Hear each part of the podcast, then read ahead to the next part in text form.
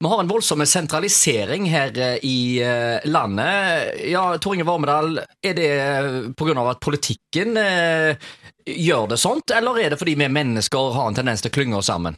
Ja, Det er vel i stort fall en kombinasjon av begge deler. Men eh, altså, hvis vi ser på Oslo, så har jo den eh, De har vel over 700 000 innbyggere nå, og de har en kjempeøkning i befolkningstallet sitt eh, de siste 20 årene. De har økt med over 200 000.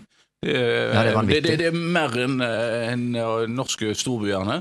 Så har, da, har de økt i folketallet, da. Så eh, det er jo et av de største miljøproblemene i Norge, at Oslo er blitt så stor. Eh, Oslo sier jo selv at de holder på å bli kvelt. Og nå i går var det den store saken om eh, Fornebubanen. De, da, de begynte med en prislapp på 4,5 milliard, og nå snakker de om 26,5 milliarder. Og nå setter, de altså, nå setter de foten ned og skal tenke seg om, og det de egentlig vil, det er jo at staten skal være med og finansiere dette her. Men er det, eh, er det riktig da altså at staten eh, skal ta oss og bruke penger på en liten eh, strekning fra Oslo ut til Fornebu for at folk klumper seg så mye sammen? Problemet er jo at det, er etablert altfor mange arbeidsplasser i Oslo som fint kunne ha vært delt ut i eh, landet. da. Så det, Men kan denne her Fornebubanen da bidra til at folk kan bo litt mer utenfor Oslo? Kan, kan det være en positiv greie å gå rundt det? Ja, altså det vil jo gjøre det, men altså, hvem skal betale for det? Det er jo det. Det er nettopp. 26,5 milliarder kroner. Du kan utrette altså, vi, vi snakker om uh, eksempel Det er Rogfast-priser, dette? Ja, det er, altså, det er mer enn eh, Rogfast faktisk òg, det. Så, og på Rogfast, som vi snakket om sist, så skal de betale en egenandel på rundt 500 kroner.